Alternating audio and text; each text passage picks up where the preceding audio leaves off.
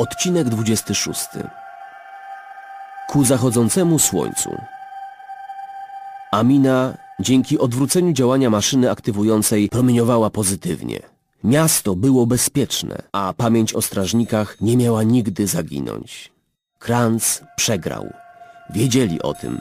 Nie musieli dyskutować na ten temat. Po niespełna dwóch godzinach było po wszystkim. Grupa zebrała się w przestronnej hali, w której wszystko się wydarzyło.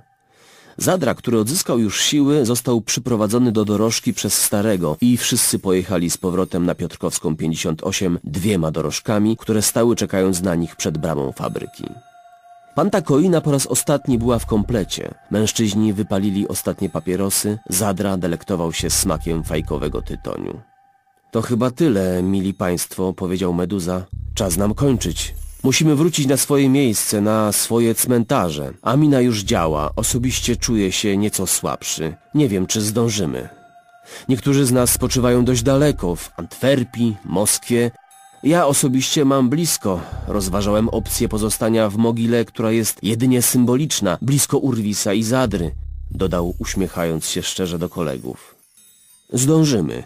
Mam coś dla was, powiedział Broda, rozdając każdemu małe pudełeczko, w którym był kompas.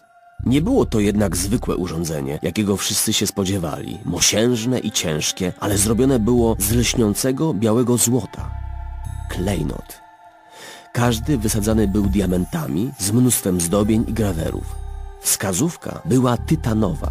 W jaki sposób działają kompasy? zapytał Meduza z ciekawością. Przeniosą was w ułamku sekundy w miejsce, które im wskażemy. Mały, jednorazowy teleporter, wyjaśnił Broda. Takie rzeczy miałem w głowie, których nie zdążyłem zrealizować, ale życie jest zbyt krótkie na to. Nim się rozejdziemy, powiedz nam to, co odkryłeś u Kranca, jak się tu znaleźliśmy? Zapytała Kobra z ciekawością. Wybuch aminy to spowodował. Prawdopodobnie wspólnik Kranca nie dość ostrożnie obchodził się z substancją i wywołał eksplozję. Taki nagły wzrost aktywności substancji spowodował właśnie, że ożyliśmy na kilka dni. Dlaczego? Nie wiem. Zbyt mało czasu miałem, żeby to zbadać, wyjaśnił Broda. Taka sytuacja, powiedział Siwy w zamyśleniu odkręcając sztuczną nogę, co bacznie obserwował Sokół. A co z kasztanką? Czy zabierzesz ją ze sobą? zapytał Zadra Starego, kiedy odzyskał nieco więcej sił. Wypuszczę ją wolno, Moja kasztanka o laserowych oczach na stałe stacjonowała na dachu lecznicy miejskiej. Tylko nie wiem, czy będzie chciała tam jeszcze wracać. Wiesz, że pieszczotliwie nazywają ją Terminatorem? Przy szosie Milsza? Ze zdziwieniem zapytał Zadra. No a jak? To nie byle jaka klacz.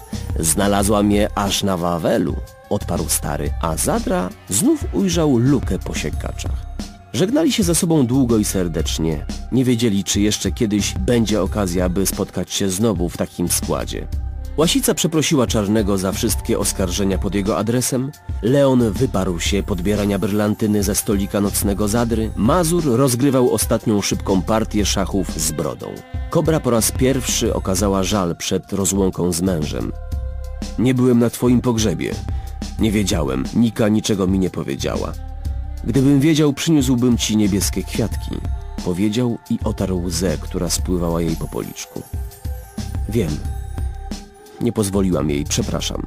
Wyszeptała i po raz ostatni uściskali się czule. Kolejno otwierali kompasy. Nie śpieszyło im się, ale chcieli zdążyć przed zmierzchem. Sokół z kolejarzem uczynili to jako pierwsi i w mgnieniu oka teleportowali się na powązki. Krótki błysk turkosowego światła był znakiem, że kolejna z postaci znikała. Leon, Zadra i Siwy zdecydowali się na spacer, na Ogrodową. Opuścili salon jako ostatni. Na Piotrkowskiej 58 nie zostało nic, tylko wspomnienie po kamienicy.